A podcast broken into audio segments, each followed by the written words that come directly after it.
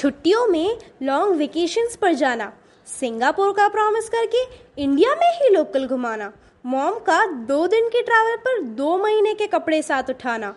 Airport पर cafe के सामने बिठाकर पेरेंट्स का गाठिया खिलाना फ्री वाईफाई और ब्रेकफास्ट देखकर होटल बुक कराना और हमेशा कुछ ना कुछ इम्पोर्टेंट चीज़ साथ लेना भूल जाना।